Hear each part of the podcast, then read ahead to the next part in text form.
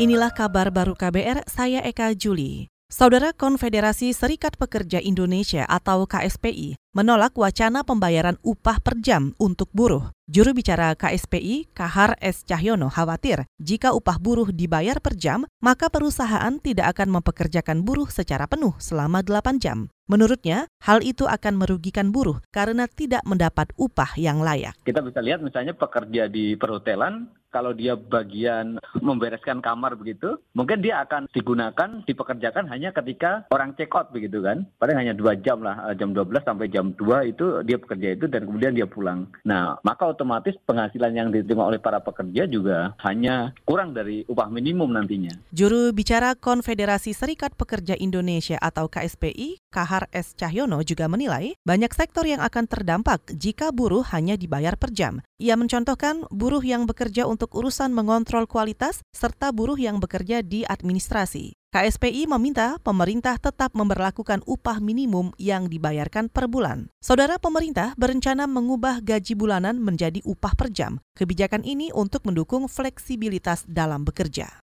Kita ke informasi lain. Wakil Ketua Komisi Hukum DPR Ahmad Sahroni meminta Kapolda Metro Jaya mencegah terjadinya kasus kecelakaan yang disebabkan pengendara mabuk. Politisi Nasdem ini menyebut kasus kecelakaan sebagian besar disebabkan pengemudi berada di bawah pengaruh alkohol. Di antaranya mobil BMW yang menabrak apotek Senopati dan mobil Toyota Avanza juga menabrak tujuh pesepeda di Jalan Sudirman, Jakarta. Ahmad Sahroni menyarankan sejumlah cara pencegahan agar tidak ada lagi kecelakaan akibat pengendara dalam pengaruh alkohol. Salah satunya razia menggunakan breathalyzer atau alat pengukur kandungan alkohol dalam darah, seperti yang dilakukan di Amerika dan negara di Eropa.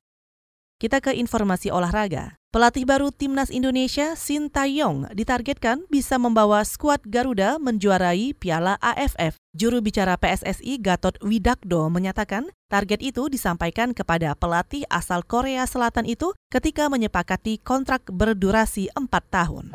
Nama dan kalau terdekatnya tentu saja di senior itu tiga sisa pertandingan uh, Piala Dunia kualifikasi lawan Thailand, Emirat Arab dan Vietnam. Kemudian juga ada AFF Suzuki di semester kedua di 2022 kita targetkan juara. Juru bicara PSSI Gatot Widakdo menambahkan, PSSI akan mengevaluasi secara menyeluruh terhadap performa skuad Garuda selama ditangani Taeyong. Gatot berharap Taeyong bisa memperbaiki kualitas sepak bola Indonesia. PSSI juga mewacanakan penanganan tim nasional di level usia dengan tim kepelatihan Taeyong. Sabtu kemarin, Sin Taeyong resmi diperkenalkan sebagai pelatih timnas Indonesia.